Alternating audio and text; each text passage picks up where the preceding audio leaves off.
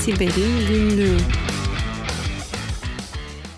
Siber'in gönlünden herkese merhaba ben Murat Lostar. Bu hafta Türkiye dışından bir haber seçiyorum. İngiltere kökenli dünyanın büyük e, eğitim yayıncılarından ve hatta işte sınav operatörlerinden bir tanesi olan Pearson'la ilgili bir haber. Aslında bizdeki kişisel verileri koruma kanunundaki bir maddeye çok yakın olduğu için özellikle bu haberi seçtim. Önce izninizle haberi hızlıca paylaşayım. Arkasından da neden bu haberin ilginç olduğunu düşündüğümü e, kısaca aktarmak isterim.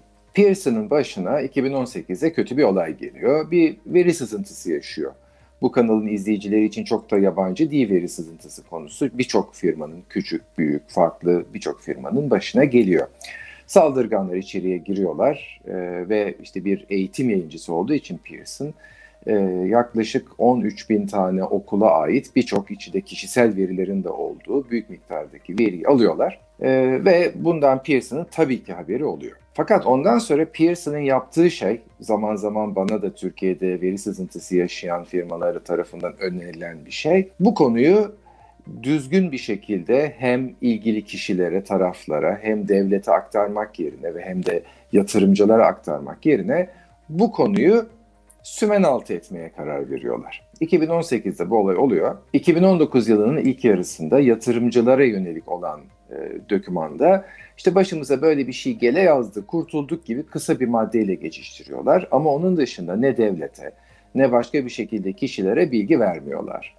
Daha sonra bu 2019'un ikinci yarısında bir şekilde açığa çıkıyor. Ve e, devlet bunu incelemeye başlıyor. Pearson aynı zamanda borsaya kote olduğu için de Türkiye'deki işte e, SPK gibi sermaye piyasası kurulu benzeri yurt dışındaki kurul tarafından incelemeye alınıyor ve Pearson'ın hem özel yatırımcıları hem de halka açık bir şirket olduğu için halka açık yatırımcıları yani hisse senedi sahiplerini aldatmaya niyet ettiğini, bunu yaptığını, bu bilginin açıklanması gerektiğini, kişilere, kişisel verisi çalınan kişilere bilgi vermesi gerektiğini üzerinden bir e, inceleme başlatılıyor. Bu inceleme sonucunda bir mahkeme söz konusu oluyor, bir dava söz konusu oluyor ve bunun sonucunda da e, 1 milyonluk bir cezaya çarptırılıyor. Benzer bir durum e, zaman zaman Türkiye'de de karşımıza geliyor diye anlatmıştım. Bazı şirketlerin başına küçük ya da büyük birkaç yüz ya da milyonlarca kişinin verisinin sızması sonucunu doğuran siber saldırılar gerçekleşiyor. Bu siber saldırıların sonucunda bazı şirketler bunu açıklarken bazı şirketlerde ya acaba kimse duymaz mı? Kimse duymazsa ben bundan yırtabilir miyim? Acaba hiçbir şey söylemesem ne olur diye soruyorlar. Orada da e, Türkiye'deki kişisel verileri koruma kanunun da ilgili maddelerinden bir tanesi. Bunu eğer kısa zamanda 72 saat içinde özellikle açıklamazsan ayrı bir ceza maddesi var ve bu ceza maddesi de e, tabii ki her sene enflasyon doğrultusunda artıyor ama 2016 rakamlarıyla 1 milyon TL bugün artık herhalde 1.400-1.500 olmuştur.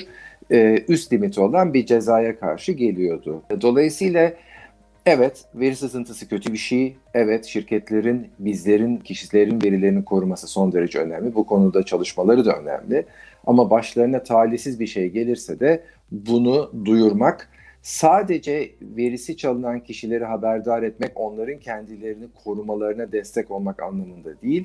Aynı zamanda bu doğrultuda toplumsal bilincin artması, aynı sektördeki ya da benzer sektördeki firmalar başta olmak üzere diğer firmaların bu konuyu e, öğrenmesi, e, ders çıkartmaları, belki daha fazla dikkatli olmaları ve bu doğrultuda da zaman içerisinde e, veri güvenliğinin daha iyi bir hale gelmesi için son derece önemli. Bu nedenle de ben paylaşmak istedim. Tuğba'ya çok geçmiş olsun tekrar. Bu hafta kısa bir yayın yapmak istiyorum. Herkese sağlıklı, keyifli haftalar. Hoşçakalın.